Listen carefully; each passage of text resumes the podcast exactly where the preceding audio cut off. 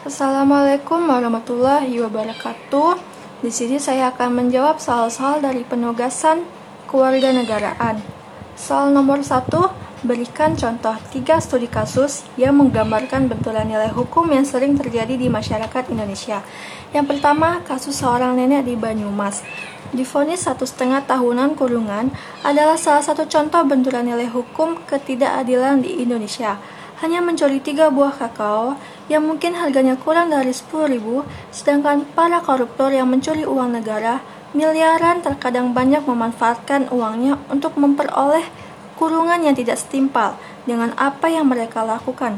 Dan di situ banyak mafia hukum yang memanfaatkan para koruptor untuk memiliki uang dijadikan alasan supaya mereka dapat memperoleh kurungan yang lebih sedikit dibandingkan dengan undang-undang yang ditetapkan. Kedua, kasus seorang nenek Asyani. Asyani berumur 70 tahun, seorang warga dusun Krastal, desa Jati Benteng, kecamatan Jati Benteng, Bondo dijebloskan ke penjara pada tanggal 15 Desember 2014. Ia dinyatakan mencuri tujuh kayu jati yang ditebang oleh suaminya dari lahan yang disebut perhutani sebagai miliknya.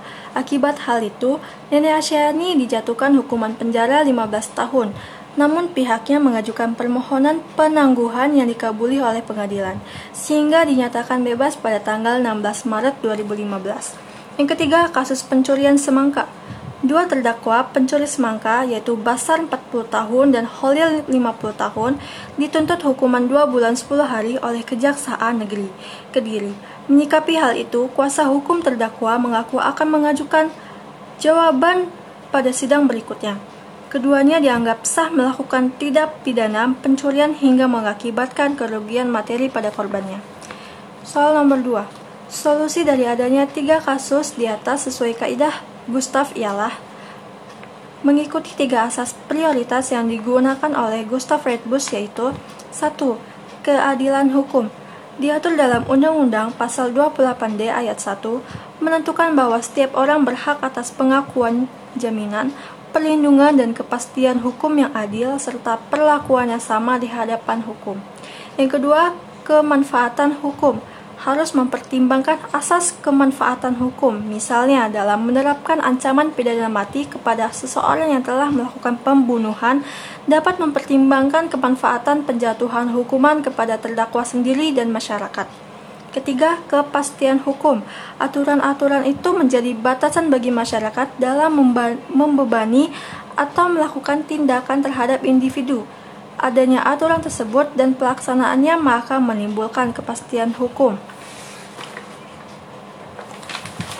Solusi dari kasus ketiga tersebut Yang pertama, solusi kasus nenek di Banyumas harus mengikuti tiga asas prioritas Gustav, yaitu satu Keadilan hukum harus menegaskan secara tegas siapa pelaku yang bersalah, karena setiap individu memiliki hak keadilannya. Apakah adil pencuri tiga buah kakao difonis satu setengah tahun penjara, sedangkan koruptor merajalela tanpa adanya hukum yang tegas? Kedua, kemanfaatan hukum dapat mempertimbangkan kembali apakah manfaat dari hukuman yang diberikan pada pelaku. Apakah di umur yang sudah rentah akan kuat jika mendapatkan hukuman tahanan selama itu? Ketiga, kepastian hukum dari adanya permohonan dari pihak yang bermasalah mengenai faktor umur yang dialami oleh pelaku dapat diselenggarakannya hukumannya. Yang kedua, solusi kasus nenek Asyani. Yang pertama, melihat dari sisi keadilan hukum, menegaskan hukuman yang pantas untuk pelaku dan dilihat dari segi umur dan kesalahan pelaku. Tidak boleh asal memfonis hukuman tanpa mempertimbangkan faktor lainnya.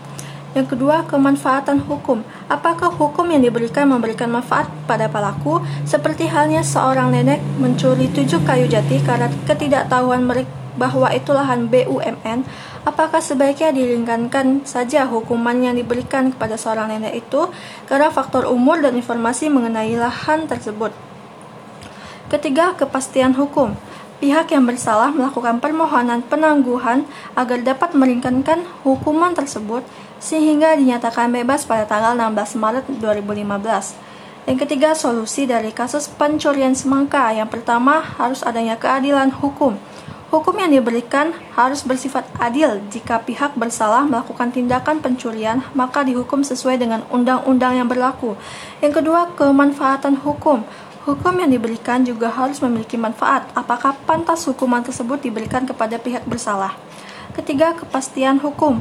Hukum harus disesuaikan dengan tindakan yang dilakukan oleh pelaku sehingga menghasilkan kepastian hukum yang sesuai dengan tindakan pelaku.